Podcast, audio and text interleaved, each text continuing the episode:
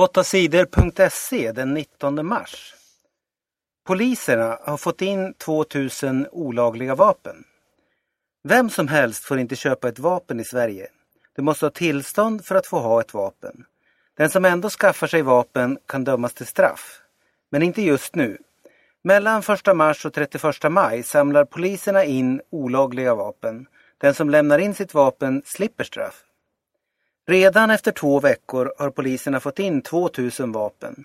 Bland vapnen finns olika sorters gevär och pistoler. Flest vapen har kommit in i Stockholms län och Skåne. BO är kritisk till att barn hålls inlåsta.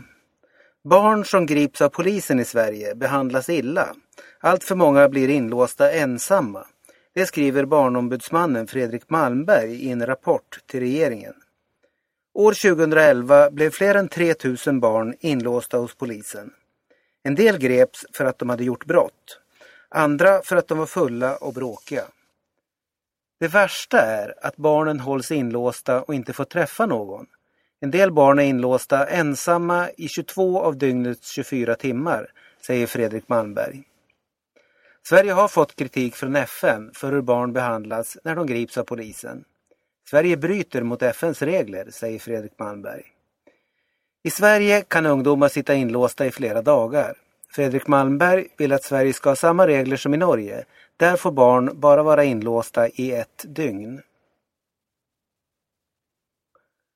Skellefteå klart för semifinal. Förra årets mästarlag Brynäs är utslaget.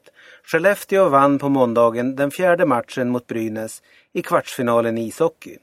Skellefteå vann med 4-0. Skellefteå har varit helt överlägset i den här matchserien.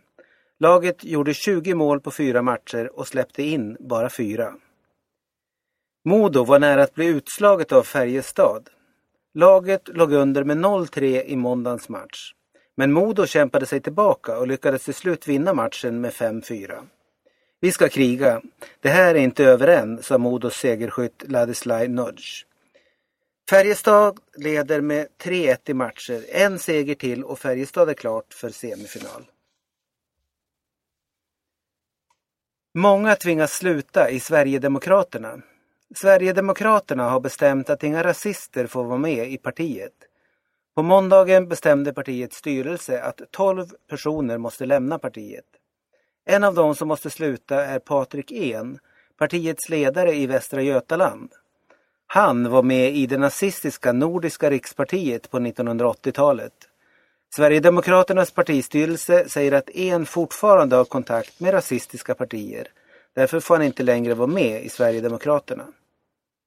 Patrik En säger att han inte har några kontakter med nazister och rasister. Han säger att partiets styrelse ljuger. Byggstrejken flyttas fram. Idag tisdag skulle flera tusen byggarbetare ha börjat strejka. Fler än 160 byggen i Sverige skulle ha drabbats av strejken. Men det blir ingen strejk. Medlarna stoppade den.